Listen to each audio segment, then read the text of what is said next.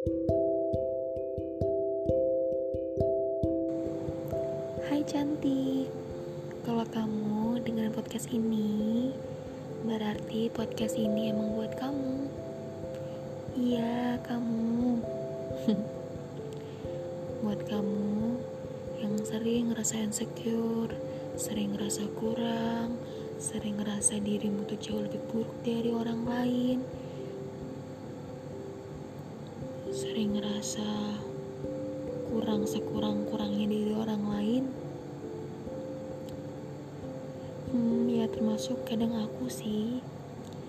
Um, tapi dengerin dulu ya. Kamu tuh cantik. Kamu tuh hebat. Kamu tuh baik. Kamu juga memiliki daya tarik tersendiri di setiap mata orang yang memandang pandangan orang lain kamu tuh unik. Kamu punya kelebihan yang di mana kelebihan itu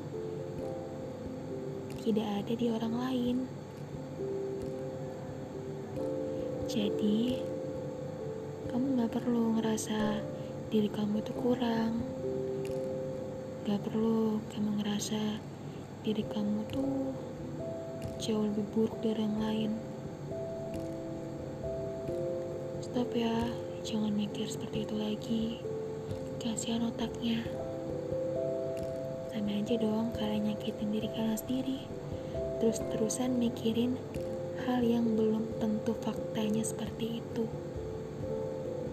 Mulai sekarang, kamu itu harus terus bersyukur dengan apa yang telah Tuhan ciptakan di diri kamu.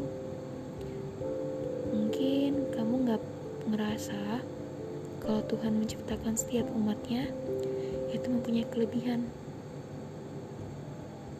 Kelebihan yang belum tentu ada di diri orang lain.